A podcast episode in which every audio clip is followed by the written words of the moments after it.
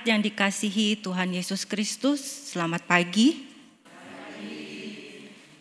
Puji syukur kita panjatkan kehadirat Tuhan yang Maha Kuasa, karena begitu besar kasihnya kepada kita semua sehingga kita boleh berkumpul dan beribadah kembali di tempat ini secara hybrid dan juga live streaming melalui kanal YouTube GKI Sarwa Indah. Bagi Bapak, Ibu, Saudara-saudari yang baru pertama kali mengikuti ibadah hybrid dan juga live streaming melalui kanal YouTube GKI Sarwa Indah, kami mengucapkan selamat datang dan selamat bergabung dalam persekutuan di GKI Sarwa Indah. Pokok-pokok warta untuk hari ini adalah sebagai berikut. Kebaktian umum hybrid minggu pada pagi hari ini dilayani oleh Pendeta Christian Dewantara. Kebaktian remaja onsite diadakan pada hari Minggu 6 November pukul 8 WIB dengan tema Stop Main Hakim Sendiri dilayani oleh Penatua Benyamin Ganatangke, Majelis Pendamping Penatua Immanuel Marino, bertempat di ruang ibadah remaja Sekolah Nusa Indah. Mohon perhatian jemaat. Pembubaran panitia penabisan diadakan hari ini Minggu 6 November pukul 10 WIB. Mohon kehadiran seluruh panitia. Pendeta Christian Dewantara akan menghadiri penabisan pendeta atas penatua Vincentius Indra di GKI Karanglewas Purwokerto pada hari Selasa 8 November 2022 Mohon perhatian dan dukungan jemaat. Perubahan kelas katekesasi melalui Zoom akan diadakan pada hari Rabu 9 November pukul 18.30 WIB dengan materi Gereja 2 dilayani Saudara Juan Gilbert Buki, Majelis Pendamping Penatua Ruth M. Tangaran. Dan akan diadakan pada hari Kamis 10 November pukul 18.30 dengan materi gereja ketiga eh dengan materi gereja tiga dilayani penatua Edwin Tambunan, Majelis Pendamping Penatua Elizabeth Batu, Bati. Mohon perhatian peserta kelas katekesasi. PA online akan diadakan pada hari Kamis 10 November pukul 19.30 WIB dengan tema Homo Faber yang melayani. Dilayani oleh Pendeta Christian Dewantara, Majelis Pendamping Penatua Tommy Indra Kusuma, MC Ibu Melda Kandau, mohon perhatian dan partisipasi jemaat. PAKUL akan diadakan pada hari Kamis 11 November pukul 10 WIB. Maaf, PAKUL akan diadakan pada hari Jumat 11 November 2022 pukul 10 WIB dengan tema Sahabat dalam Suka dilayani oleh Pendeta Kristian Dewantara, MC Ibu Kristiana NIM, tempat Zoom virtual meeting. Mohon perhatian dan partisipasi jemaat.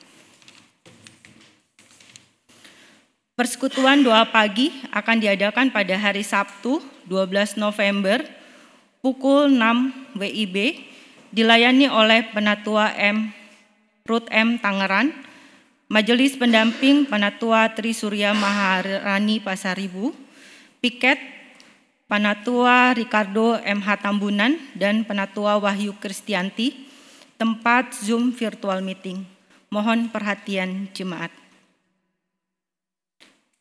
Kepenatuaan mengakhiri jabatan penatua masa pelayanan tahun pertama tahun 2020 sampai dengan tahun 2023.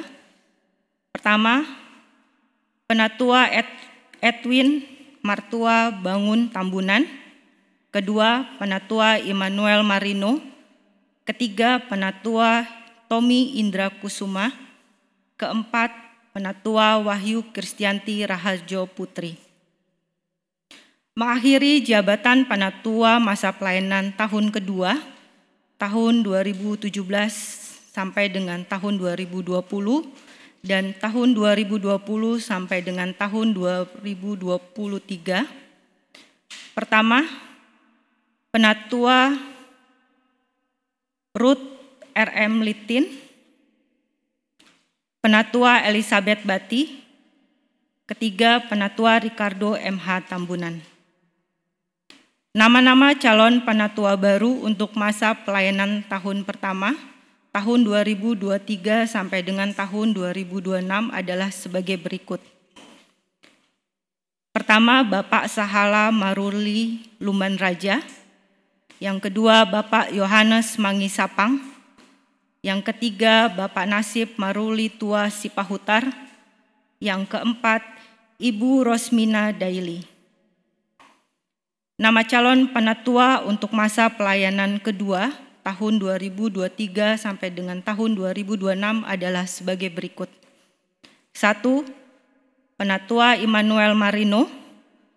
Kedua, Penatua Indra Tommy Indra Kusuma. Ketiga, Penatua Wahyu Kristianti Raharjo Putri. Mohon perhatian dan dukungan jemaat.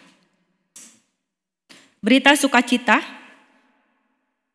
Tuhan telah memberi dan mempercayakan seorang putra, anak pertama bagi keluarga Bapak Immanuel Triabadi, atau yang kita kenal dengan Mas Didi, dan Ibu Rini Ferawati, yang diberi nama Elvano Abayomi, lahir pada hari Rabu 28 September 2022. Majelis jemaat dan seluruh jemaat mengucapkan syukur dan turut berbahagia atas berkat Tuhan ini. Demikian pokok-pokok warta untuk hari ini. Untuk lebih lengkapnya jemaat dapat membaca di warta jemaat. Segenap majelis jemaat mengucapkan selamat beribadah, Tuhan memberkati.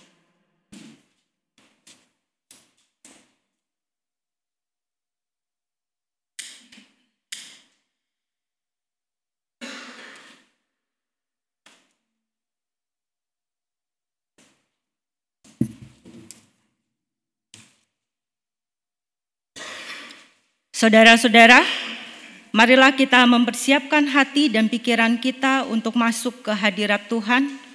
Mari sambut Allah yang hidup, Allah yang hadir dalam kehidupan kita. Saya undang jemaat untuk bangkit berdiri dan kita sambut dengan nyanyian NKB 4, bait pertama sampai dengan bait ketiga, nyanyikanlah dengan syukur.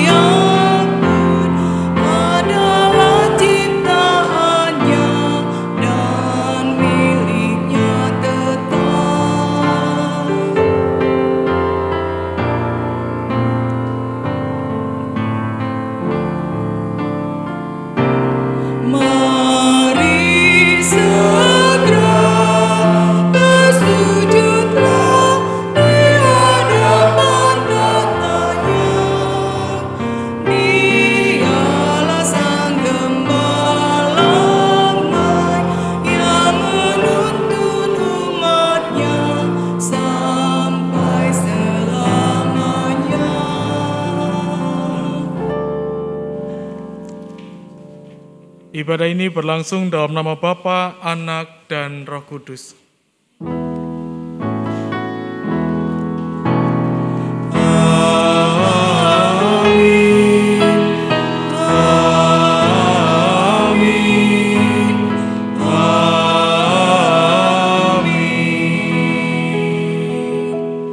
Tuhan beserta saudara dan beserta saudara juga.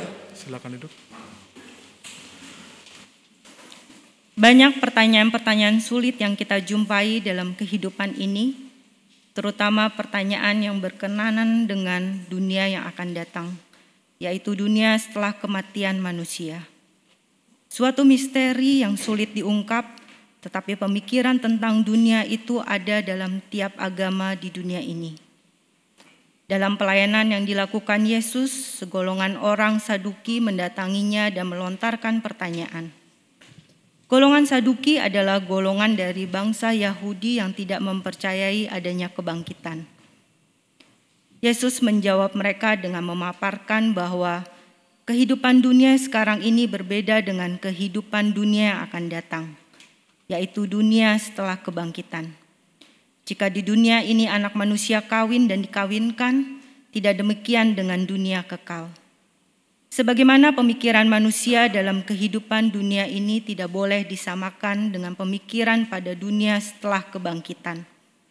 Pemikiran manusia yang sudah jatuh ke dalam dosa sangat terbatas dalam dunia yang sekarang ini.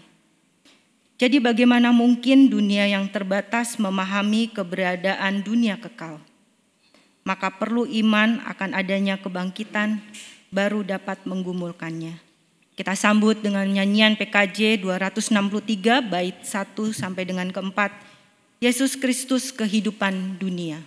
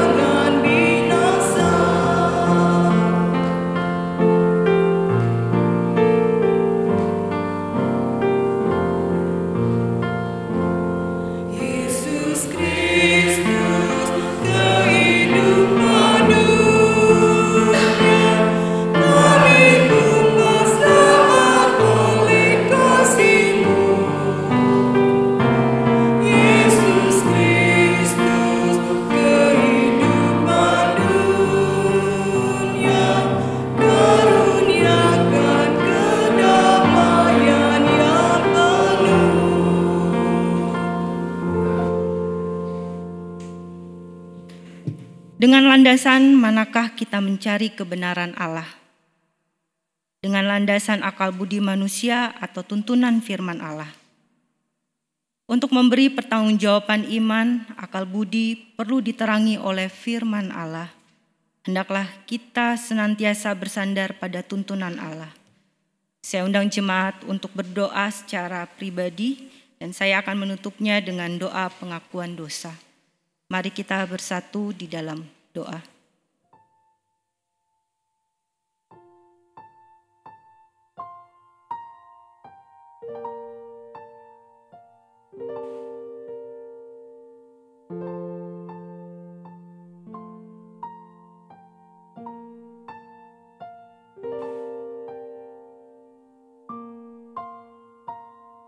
Allah Bapa yang bertata di dalam kerajaan surga, mengucapkan terima kasih atas seluruh penyertaan dan kebaikan yang telah Engkau berikan. Pada hari ini kami datang ke hadirat-Mu Tuhan untuk mengakui segala dosa dan pelanggaran yang telah kami perbuat, baik di dalam pikiran, perkataan maupun perbuatan kami. Banyak hal yang terjadi yang merupakan kejadian yang telah Engkau rencanakan dan rancangkan untuk kehidupan kami namun kami sadar bahwa kerap kali kami melakukan kesalahan dan telah berbuat dosa. Kami seperti tidak berterima kasih atas segala, atas segala kebaikan yang telah Engkau berikan. Karena itu Bapa, kiranya Engkau sudi mengampuni segala dosa dan pelanggaran yang telah kami perbuat. Kiranya Engkau mengasihi dan mengampuni kami menurut kasih setiamu. Ubahkanlah hidup kami menjadi hidup seturut dengan kehendak-Mu. Inilah doa yang kami panjatkan dan alaskan di dalam satu nama, Yesus Kristus. Amin.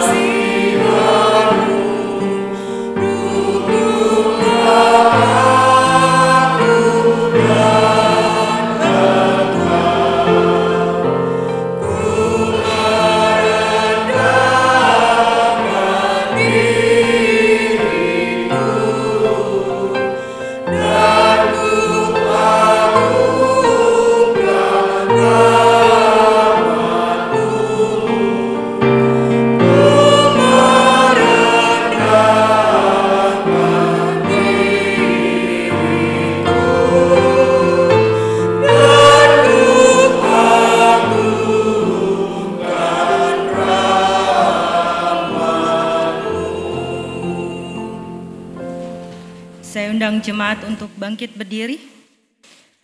Berita anugerah dan petunjuk hidup baru bagi kita terdapat dalam firman Tuhan menurut 1 Tesalonika 5 ayat 9 sampai dengan 10. Yang tertulis demikian. Karena Allah tidak menetapkan kita untuk ditimpa murka, tetapi untuk beroleh keselamatan oleh Yesus Kristus Tuhan kita yang sudah mati untuk kita, supaya entah kita berjaga-jaga, entah kita tidur, kita hidup bersama-sama dengan Dia. Demikianlah berita anugerah dan petunjuk hidup baru dari Tuhan. Syukur kepada Allah.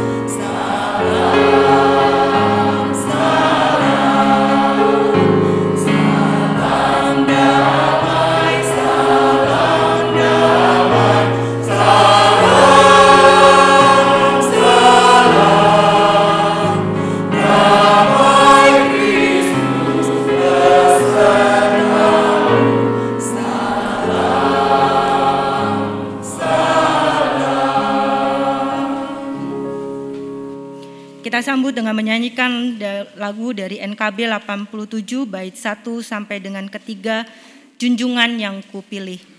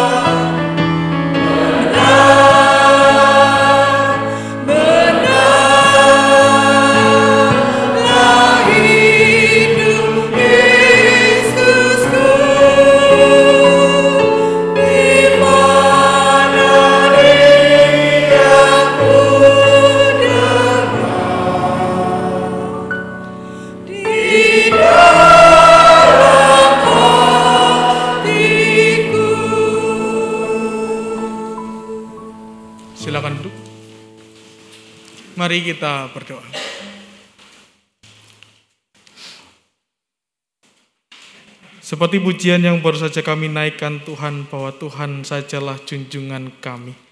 Dalam kehidupan kami, kami senantiasa terus bersandar dan berharap kepadamu. Kami bersyukur untuk pemeliharaan Tuhan dalam kehidupan kami. Sehingga saat ini kami boleh berkumpul, berhimpun, dan terlebih sebentar lagi kami akan merenungkan firman Tuhan. Kiranya Tuhan boleh mempersiapkan hati dan pikiran kami, sehingga firman yang diberitakan boleh juga kami dengar dengan baik, kami renungkan dan terlebih kami nyatakan dalam kehidupan kami hari lepas hari. Kiranya juga Tuhan boleh menyertai dan memberkati hambamu yang jauh dari sempurna ini. Kiranya Tuhan boleh memberkati dan menolong. Inilah doa kami Tuhan, demi Kristus kami berdoa. Amin. Bacaan Alkitab kita diambil dari Lukas pasal 20 ayat 27 sampai 38. Lukas pasal 20 ayat 27 sampai 38. Demikian pertanyaan orang Saduki tentang kebangkitan. Maka datanglah kepada Yesus beberapa orang Saduki yang tidak mengakui adanya kebangkitan. Mereka bertanya kepadanya, "Guru, Musa menuliskan perintah ini untuk untuk kita. Jika seorang yang punya saudara laki-laki mati sedang istrinya masih ada, tetapi ia tidak meninggalkan anak, saudaranya harus kawin dengan istrinya itu dan membangkitkan keturunan bagi saudaranya itu. Adalah tujuh orang bersaudara. Yang pertama kawin dengan seorang perempuan lalu mati dengan tidak meninggalkan anak. Lalu perempuan itu dikawini oleh yang kedua dan oleh yang ketiga dan demikian berturut-turut oleh ketujuh saudara itu. Mereka semuanya mati dengan tidak meninggalkan anak.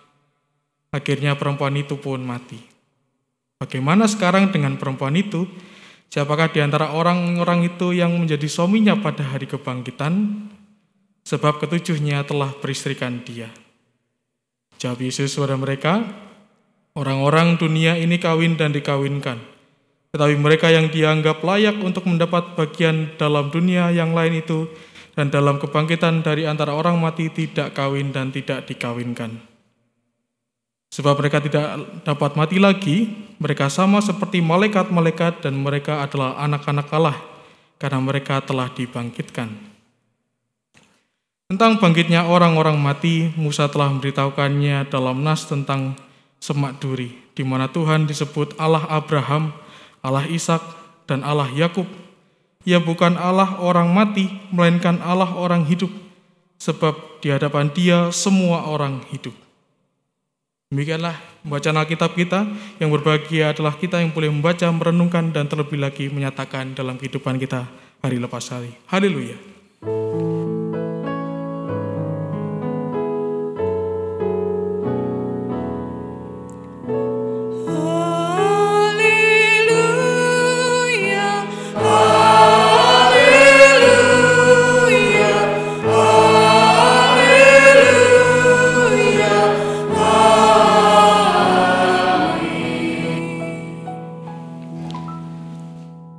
Selamat pagi semuanya. Baik yang ada di sekretariat maupun yang ada di rumah menonton melalui YouTube. Ya, berapa tahun yang lalu kita melihat ada sebuah tayangan di salah satu TV swasta tentang perdebatan. Jadi acara ini adalah memperdebatkan antara satu pihak dengan pihak yang lain. Gitu ya. Mungkin Bapak Ibu Saudara pernah menonton itu. Dan sering kali perdebatannya berlangsung cukup lama. Panjang durasinya acara ini. Bahkan kalau tidak salah sampai 2-3 jam. Nah yang menarik kalau perdebatan itu sering kali kalau kita melihat apakah perdebatan itu mencari kebenaran? Enggak. Kadang yang dicari adalah pembenaran dan menangnya sendiri. Seringkali perdebatan-perdebatan yang ditampilkan dalam layar kaca kita bukan untuk menuntun orang banyak, mengetahui apa yang seharusnya dikerjakan, mengetahui apa yang benar, tetapi hanya untuk kepentingan kelompoknya didengar, hanya untuk kepentingan kelompoknya menang dan orang-orang yang berbeda itu dikalahkan. Atau mungkin Bapak Ibu Saudara pernah juga berdebat begitu ya, entah di FB, di YouTube, atau di grup WhatsApp biasanya itu kan macam-macam gitu dan kita mendapat berita yang macam-macam dan bahkan kadang juga kita akhirnya terpancing untuk komentar. Nah perdebatan ini juga terjadi Bapak Ibu Saudara ketika orang-orang Saduki ini mendatangi Tuhan.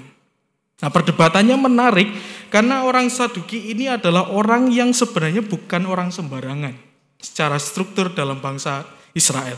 Mereka adalah keturunan orang uh, keturunan Zadok. Zadok ini adalah keturunannya Harun. Jadi orang Saduki ini secara garis keturunan itu orang yang penting orang-orang yang menjadi imam bangsa Israel. Jadi nama Saduki ini berasal dari nama Zadok. Nah, orang-orang ini menjadi posisinya penting dalam bait Allah itu sejak zaman Daud, Salomo, bahkan setelah pembuangan di Babel. Jadi bayangkan Bapak Ibu Saudara, mereka ini sudah bercokolnya begitu lama.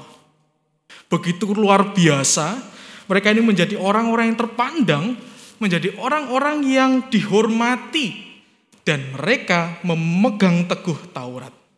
Oleh karena itu, ketika mereka percaya betul dengan Taurat, mereka tidak percaya dengan kebangkitan. Berbeda dengan orang Farisi.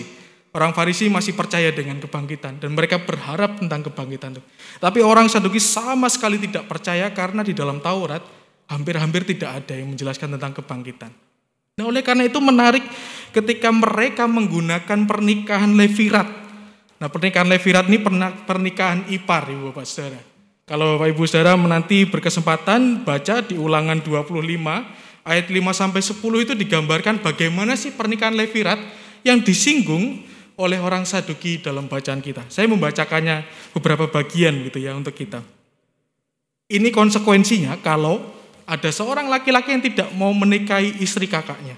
Saya bacakan maka haruslah istri saudara itu datang kepadanya di hadapan para tua-tua, menanggalkan kasut orang itu dari kakinya, meludahi mukanya sambil menyatakan, beginilah harus dilakukan kepada orang yang tidak mau membangun keturunan saudaranya. Dan di antara orang Israel namanya haruslah disebut kaum yang kasutnya ditanggalkan orang. Itu di dalam ulangan pasal 25. Jadi pernikahan Levirat ini menjadi sesuatu yang penting dalam zaman Musa. Walaupun dalam beberapa informasi sebenarnya ketika zaman Yesus itu sudah tidak dilakukan lagi. Sudah jarang gitu.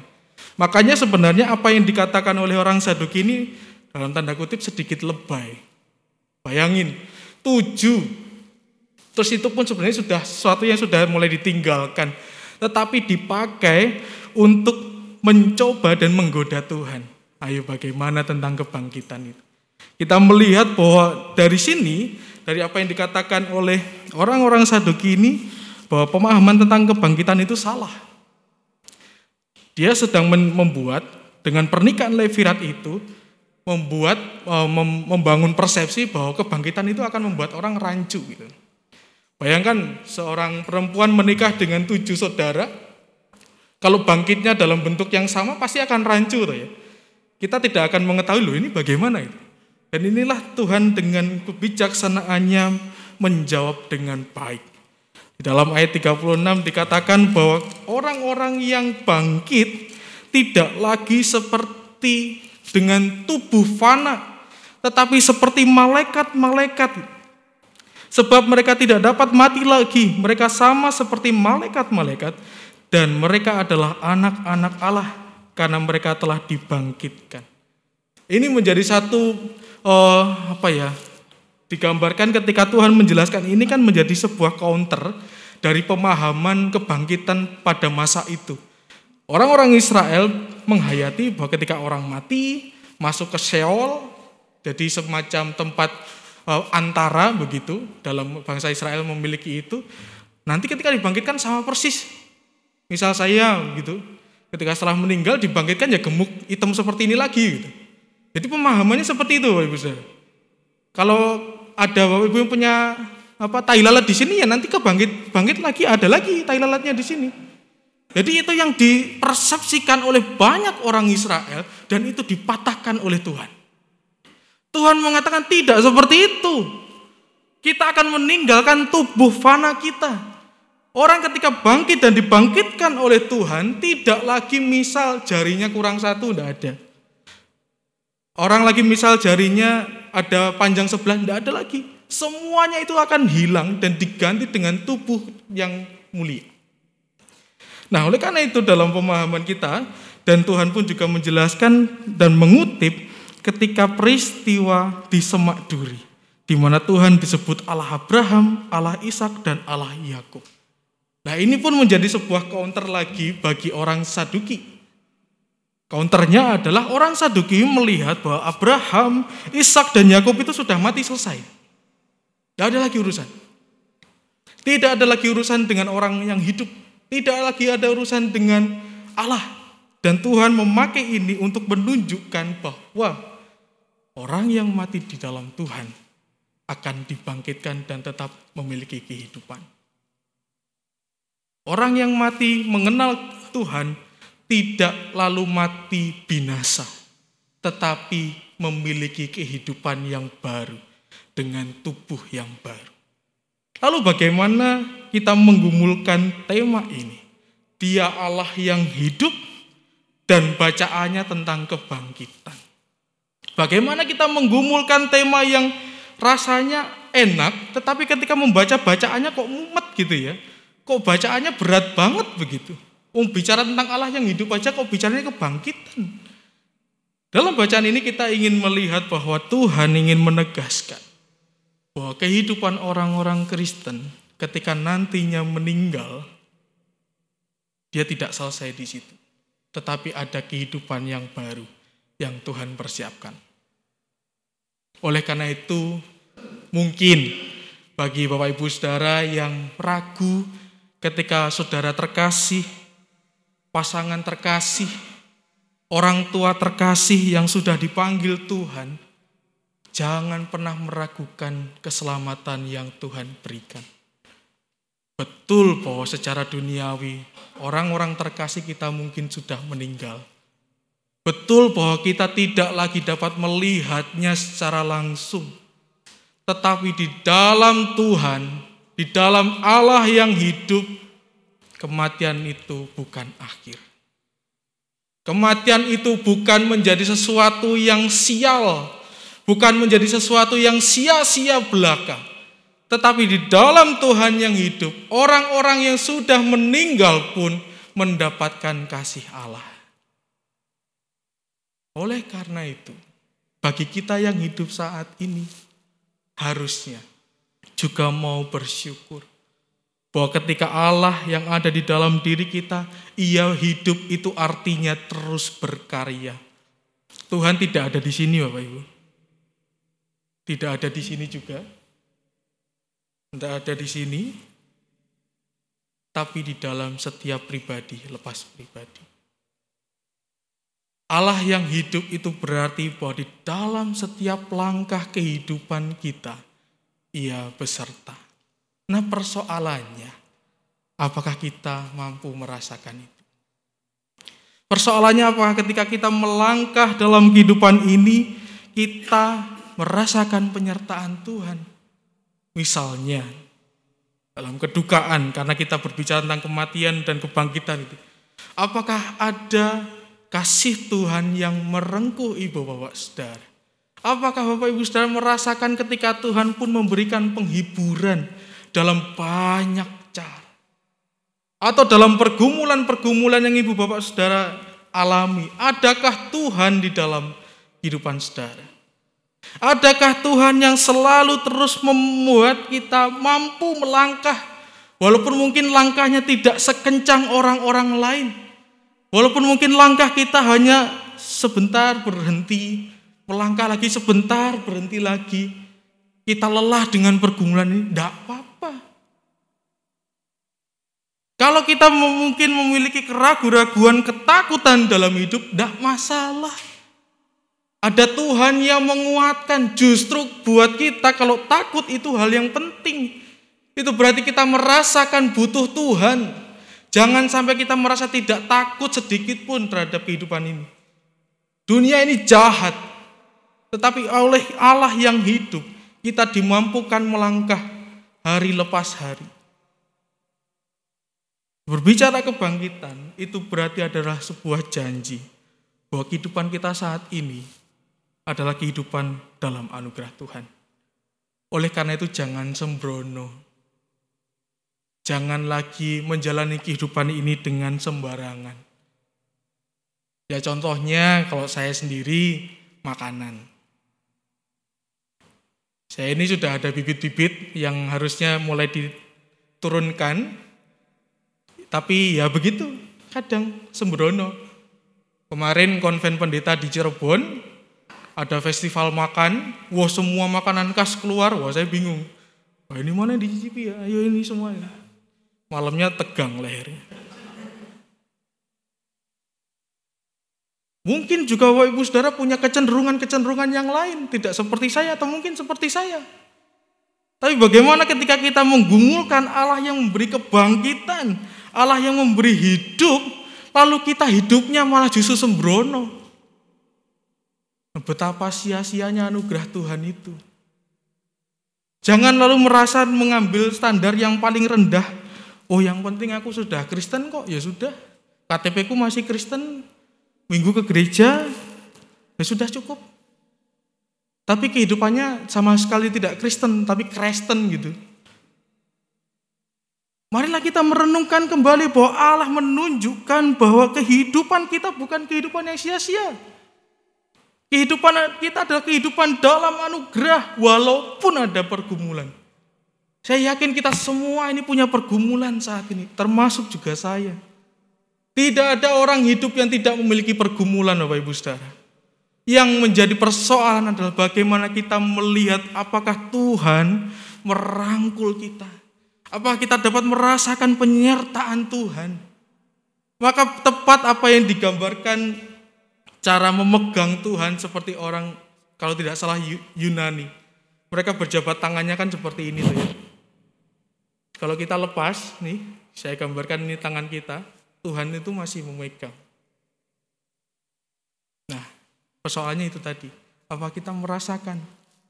Atau gambaran lukisan yang dulu cukup terkenal ketika ada dua orang berjalan di pasir pantai, ada dua jejak langkah yang terus bersama. Jejak langkah kita dan jejak langkah Tuhan. Tetapi ketika itu berganti menjadi batu karang yang tajam, Eh ternyata jejaknya tinggal satu. Banyak orang merasa salah. Oh jejak satu itu tinggal aku sendirian, Tuhan meninggalkan aku. Tapi ternyata enggak. Lukisan itu ingin menunjukkan bahwa ketika kita melewati batu karang yang tajam, jejak itu tinggal satu, karena itu hanya jejak Tuhan. Kita di mana? Digendong. Kita digendong, dijaga Nah, lukisan ini pun juga menjadi sebuah gambaran bahwa kehidupan kita tidak akan serta-merta gampang.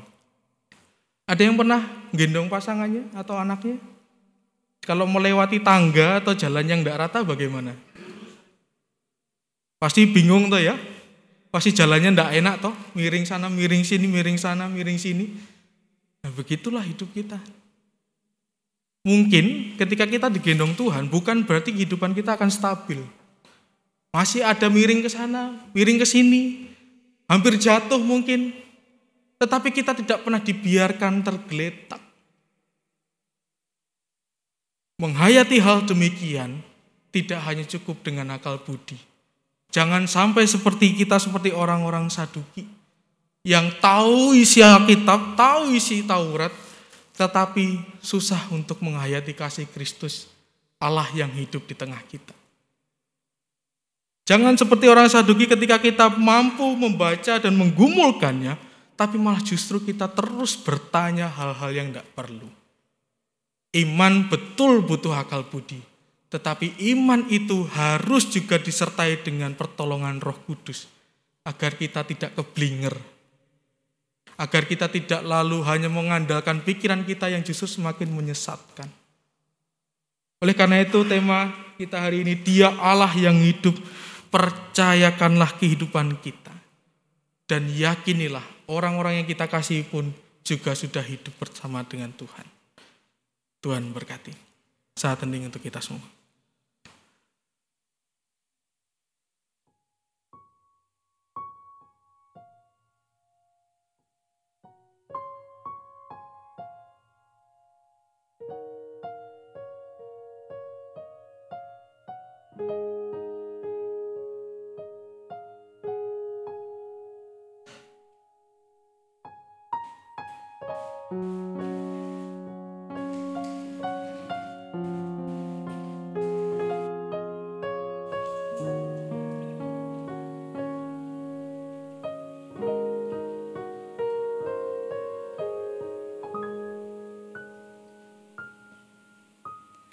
Kasih yang sempurna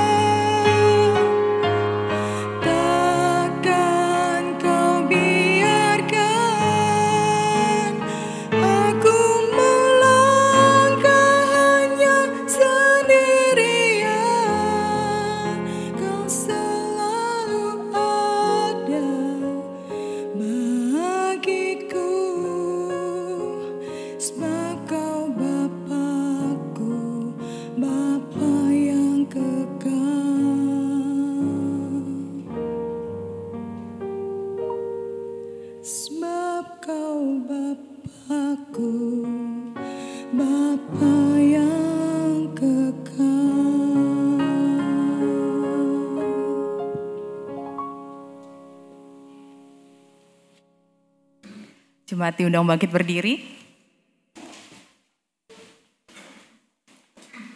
Marilah kita bersama dengan umat Allah di masa lalu, masa kini, dan masa depan mengingat pengakuan pada baptisan kita menurut pengakuan iman rasuli.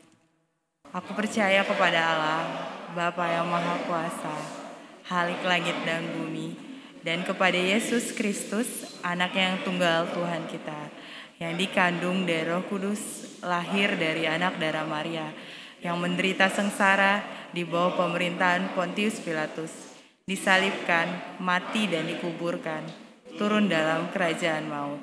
Pada hari yang ketiga, bangkit pula dari antara orang mati. Naik ke surga, duduk di sebelah kanan Allah, Bapa yang Maha Kuasa. Dan dari sana ia akan datang untuk menghakimi orang yang hidup dan yang mati. Aku percaya kepada roh gereja yang kudus dan persekutuan orang kudus, pengampunan dosa, kebangkitan orang mati, dan hidup yang kekal. Amin. Umat dipersilahkan duduk kembali.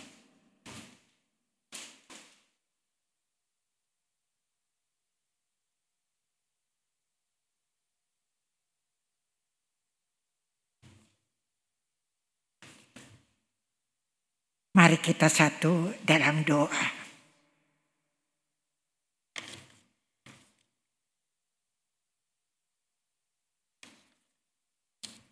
Allah Bapa yang Maha Kasih,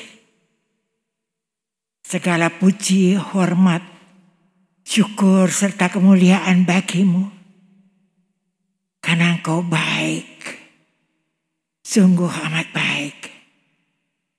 Kami bersyukur dan berterima kasih Tuhan. Pada hari ini kami boleh mendengar firman-Mu melalui hambamu, pendeta di Wantara. Yang pertama, untuk pertama kali bertoha di tempat ini. Bapak, kami bersyukur dapat memakai beberapa ruangan dari sekolah Nusa Indah untuk kegiatan sekolah minggu. Kami bersyukur Tuhan juga untuk beberapa kegiatan yang kami butuhkan. Tuhan berkatilah yang punya gedung. Berkati guru-guru yang mengajar. Berkati murid-murid yang belajar. Supaya benar-benar kemuliaanmu terasa di dalam sekolah ini. Kami bersyukur untuk gedung sekretariat Tuhan yang sudah kami buat untuk bergereja, untuk rumahmu. Tuhan, di mana kami boleh mendengar firman-Mu, beribadah di sini bersama-sama. Terima kasih Tuhan. Kami sungguh bersyukur dan berterima kasih untuk gereja kami di sini. Meskipun kecil Tuhan. Namun kami yakin dan percaya Kristus Yesus senantiasa memberkati kami sehingga segala kecukupan dipenuhi. Terima kasih Bapa. Ajarlah kami memberi diri kami untuk memberi apa yang kami miliki hingga orang-orang yang membutuhkan dapat kami tolong. Kami percaya Tuhan dapat menggerakkan hati kami masing-masing. Biarlah kami boleh menjadi penyalur berkat. Persembahan sebagai persembahan yang harum. Bapa yang maha kasih dan maha murah. Kami pun bersyukur untuk jemaatmu di GKI Serpong di mana saat ini mereka mengelola dan melakukan kegiatan untuk membangun gereja Nusa Loka di sana. Tuhan yang mahik.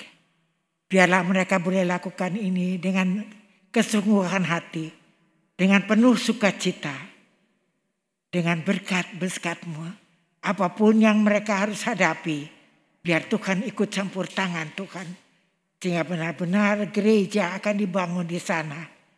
Jemaatmu di sana boleh bergereja di gereja GKI Nusa Loka. Terima kasih ya Tuhan. Kami juga berdoa Tuhan, kiranya Tuhan sendiri yang memberkati mereka. Sehingga apa pun yang mereka lakukan, mereka boleh lakukan itu dengan pertolonganmu. Bapak, kami berdoa Tuhan juga untuk lahan kami di Dusun Tiga. Biarlah orang-orang di sana yang melakukan pekerjaan mereka boleh menjadi berkat bagi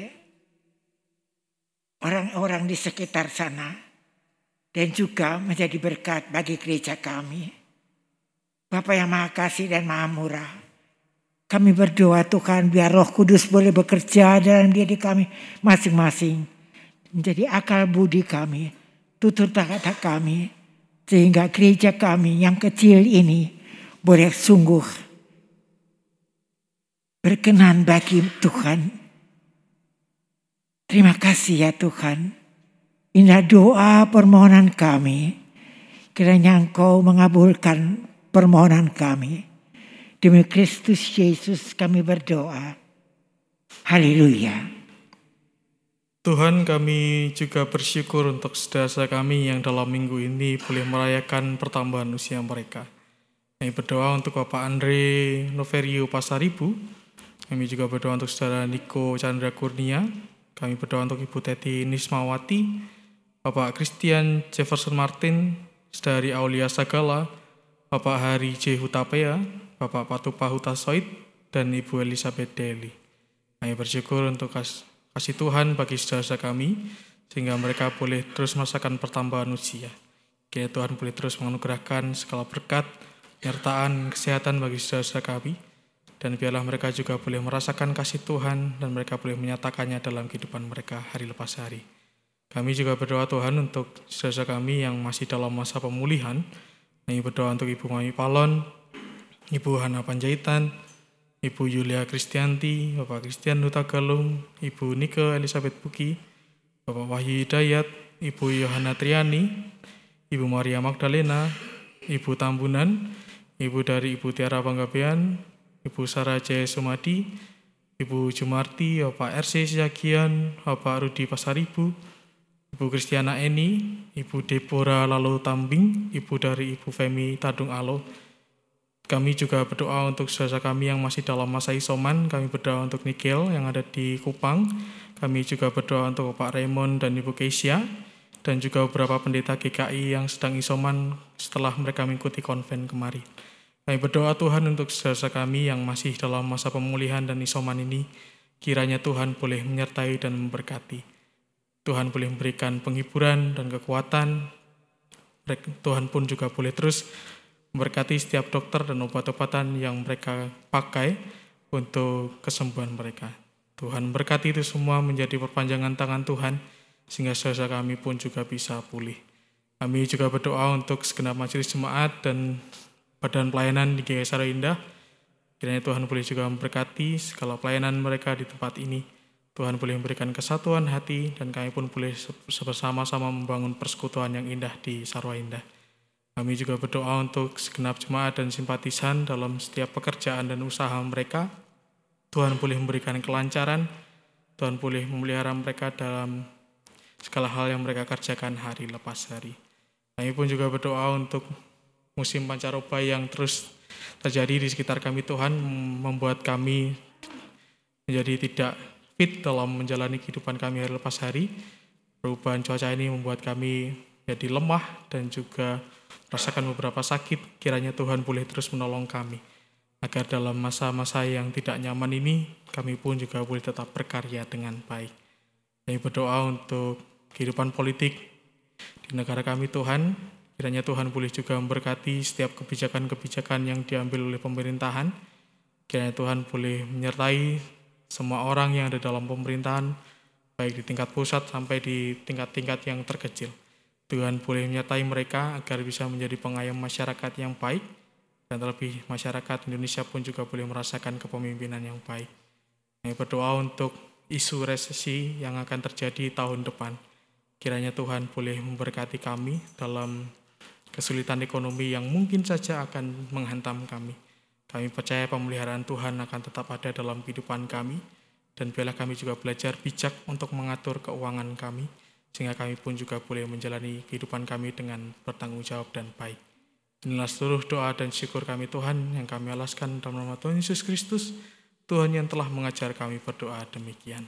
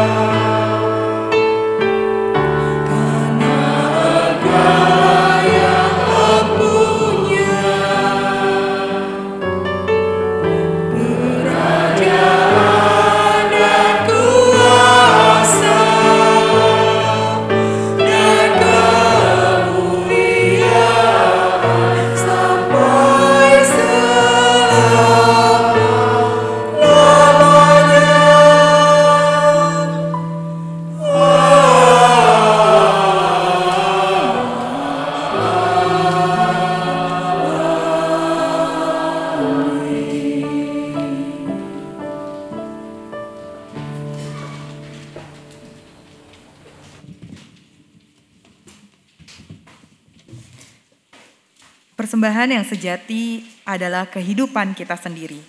Oleh karena itu, mari kita berikan hidup kita sepenuhnya untuk kemuliaan Allah, seraya mengingat akan firman-Nya dalam Amsal 3 ayat 9 sampai 10. Muliakanlah Tuhan dengan hartamu dan dengan hasil pertama dari segala penghasilanmu, maka lumbung-lumbungmu akan diisi penuh sampai melimpah-limpah dan bejana pemerahanmu akan meluap dengan air anggurnya. Sambil kita memberikan persembahan, mari bersama menyanyikan nyanyian dari nyanyian Kidung Baru nomor 133 bait pertama sampai dengan ketiga, syukur padamu ya Allah.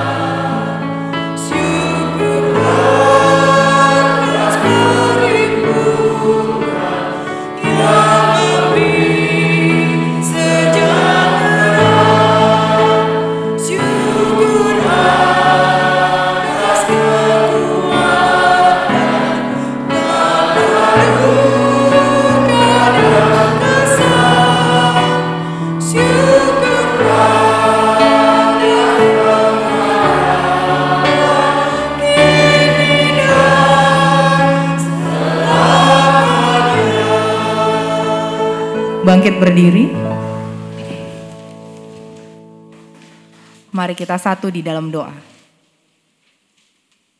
Tuhan yang begitu baik dalam kehidupan kami, kami menyadari betul Tuhan semua yang kami miliki saat ini bukan dari hasil kemampuan kami semata, tapi semua karena pemberian dan kasih setiamu atas kehidupan kami. Maka saat kami memberikan persembahan ini Tuhan, kami memberikannya dengan penuh sukacita dan ucapan syukur. Untuk itu Tuhan, kiranya Engkau mau memberkati setiap tangan yang sudah memberi dan tangan yang akan mengelolanya, sehingga persembahan ini dapat terus mengingatkan kami atas kecukupan yang terus kami rasakan dalam hidup kami. Mampukan kami juga Tuhan untuk terus menjadikan hidup kami sebagai persembahan yang hidup dan berkenan kepadamu. Kami berdoa di dalam nama Tuhan Yesus Kristus. Amin.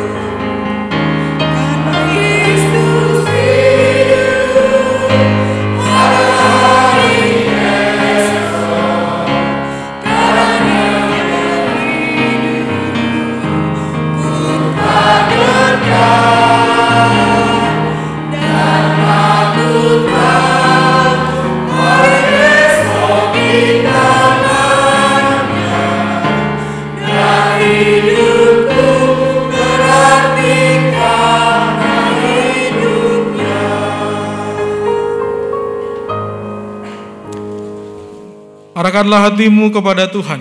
Kami mengarahkan hati kepada Tuhan. Jadilah saksi Kristus, Syukur kepada Allah, terpujilah Tuhan. kini dan selamanya. Marilah terima berkat dari Tuhan. Tuhan memberkati engkau dan melindungi engkau. Tuhan menyinari engkau dengan wajahnya dan memberi engkau kasih karunia.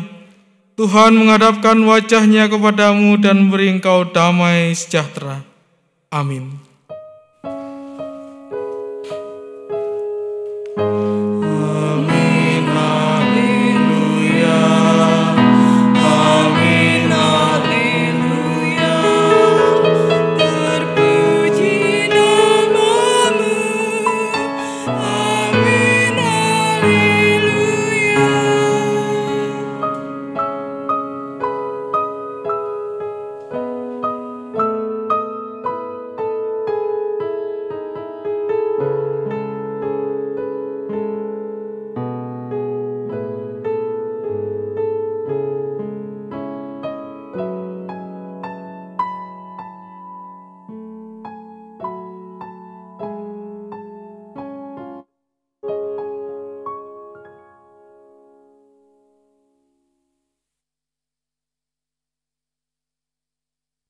Ibu dan Bapak yang kami kasihi dalam Yesus Kristus, kami baru saja menyelesaikan doa pagi untuk Sabtu 5 November 2022. Kami rindu Ibu Bapak, Saudara-saudara semuanya untuk hadir bersama kami. Doa pagi bukan hanya untuk orang tua, kami juga mengundang pemuda, remaja untuk bergabung bersama kami. Selamat hari Minggu untuk kita semua. Tuhan Yesus memberkati. Selamat hari Minggu. Selamat hari Minggu. Selamat hari Minggu. Selamat hari Minggu. Selamat pagi, Bapak Ibu, Saudara, Jemaat GKI Sarwa Indah. Kami mengundang Bapak Ibu untuk mengikuti PA yang diadakan setiap hari Kamis pukul 19.30 di Zoom meeting. Selamat hari Minggu. Selamat hari hari Minggu. Selamat hari Minggu. Selamat hari Minggu.